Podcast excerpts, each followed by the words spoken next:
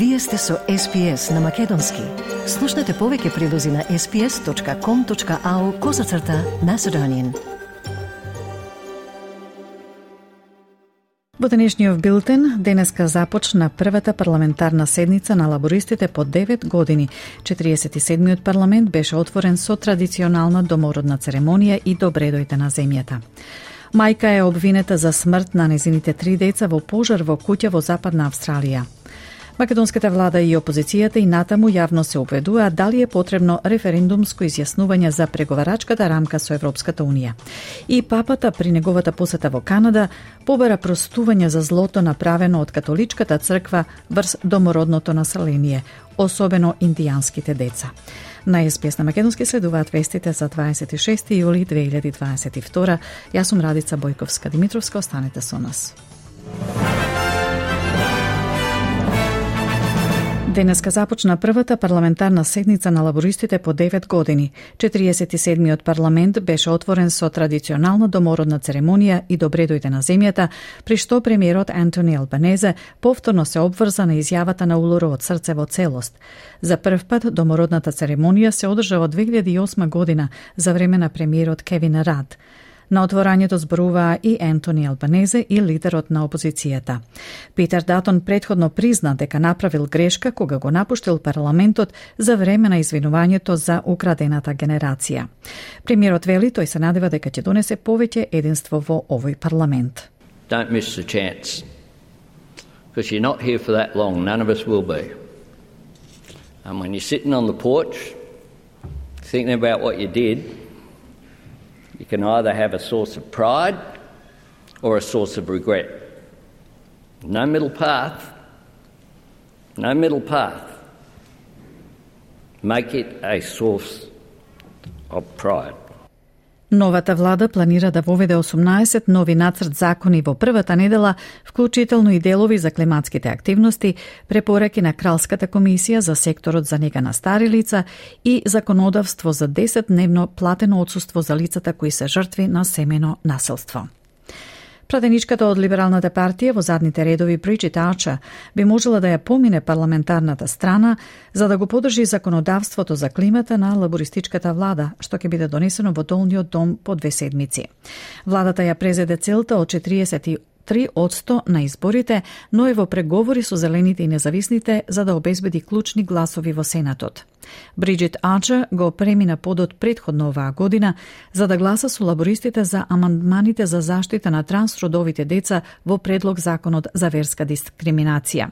Пратеничката од Тасманија не ја отфрли можноста да го направи тоа повторно. I think, you know, it's never your natural um, sort of starting point. I don't think anybody um, comes here and says, well, you know, I want to be um, difficult or, um, you know, uh, to do that. And it's a difficult thing um, to do. I feel that I must always consider um, everything that I do here through the lens of the electorate of Bass first, the Liberal Party second, and myself third.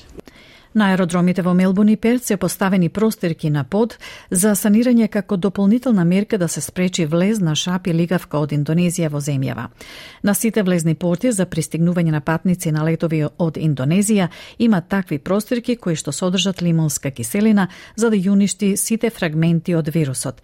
Слични мерки се очекува да бидат спроведени на аеродромите широм земјава до крајот на неделава, како дел од она што министерот за земјоделство Мареј Вод го опиша како најсилен одговорен одговор за биосигурност во Австралија досега.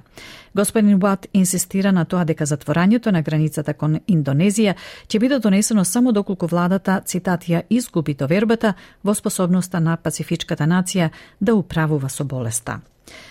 Детективите за истрага на убиства ја обвинија мајката на трите деца кои ги изгубија животите во пожар во куќа во Порт Хедланд за нивно убиство. Жената денеска ќе се појави пред суд во Перт поради наводите, како и за кривично дело предизвикување штета со пожар. Незините три деца на возраст од 5 месеци, 7 и 10 години беа убиени во пожарот во куќата во Пилбара на 19 јули. Премиерот на Нов Јужен Велс Доминик Перотет вели дека повеќето од документите што ја задржуваат парламентарната истрага за назначувањето на поранешниот вице-премиер Џон Бариларо на високоплатеното работно место во Њујорк ќе бидат предадени до крајот на неделава. Премиерот исто така се осврна на видеото на интернет на кое се гледа како господин Бариларо се тепа со снимател пред бар во седнејската населба Менли во саботата навечер, велејќи дека нема место за таков вид расправи во општеството, но исто така нема место за вознемирување за луѓето кои се приватни граѓани. There is no place for altercations um, in society like that. Uh, but I also make the point, um, as Mr. Barilaro has pointed out, that people get pushed and pushed and pushed. Um, and I don't believe there's any place for harassment, um, and um, particularly for people who are private citizens. Во Македонија и вчера најострите политички ривали, Социјалдемократскиот сојуз за Македонија и ВМРО ДПМН продолжија јавно да се убедуваат дали е потребно референдумско изјаснување за преговарачката рамка со Европската Унија или не. За СДСМ само лидерите на ВМРО ДПМН и на Левица се единствените кои сакаат референдум со цел, цитат, манипулирање на јавноста и за внатре партиски потреби. Мартин Костовски на пресконференција рече. А, се што кажа Мицковски е една единствена лага и обратно тона кое што се испостави сите овие денови. Нема бугаризација, нема асимилација, почнавме преговори со Европската Унија, имаме заштитен чист македонски јазик. ВМРО ДПМН пак останува на ставот дека референдум треба да има и ќе има и веќе неколку дена најавува период на консултации со експерти за референдумското прашање. Наум Стоилковски од партијата на пресконференција рече. Власта која што вели дека направила историски исчекор во корист на граѓаните, не би требало да се плаши од референдум и соочување со граѓаните.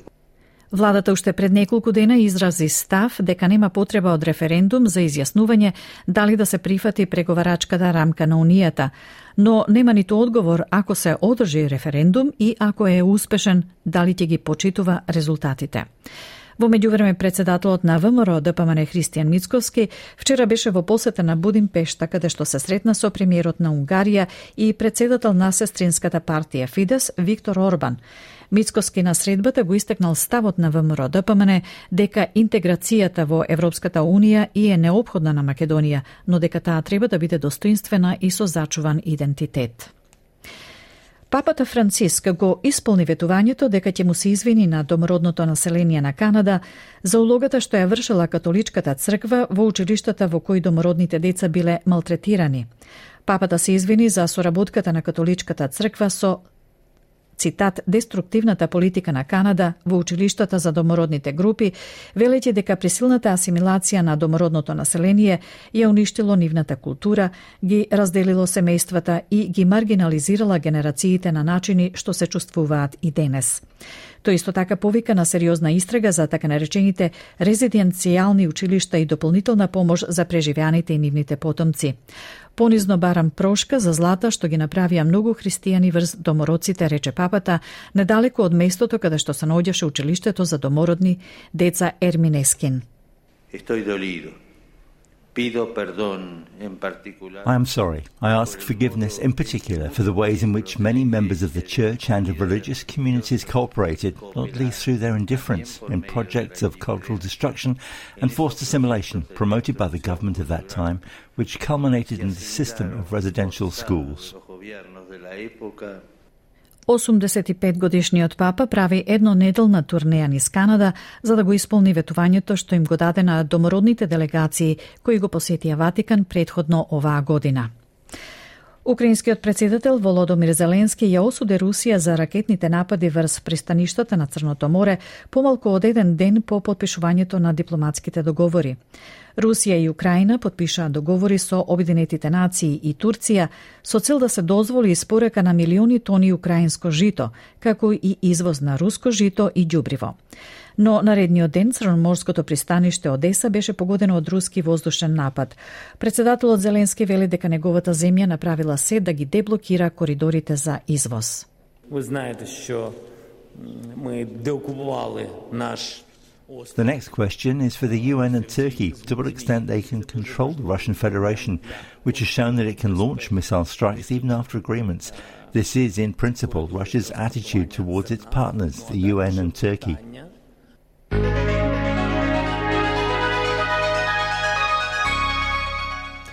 Од најновата курсна листа, денеска еден австралиски долар се менува за 0,68 евра, за 0,69 американски долари и за 41,37 македонски денари.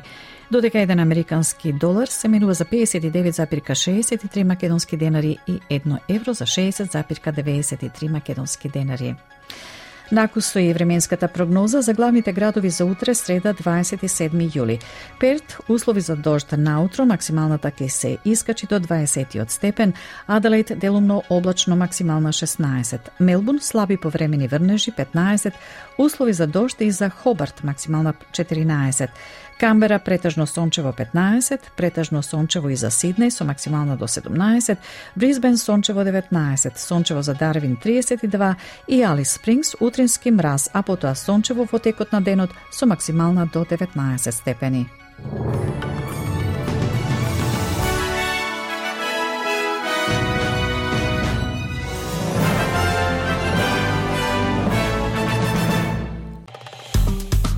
Стиснете, ми се допаѓа, споделете, коментирајте. Следете ја SPS на Македонски на Facebook.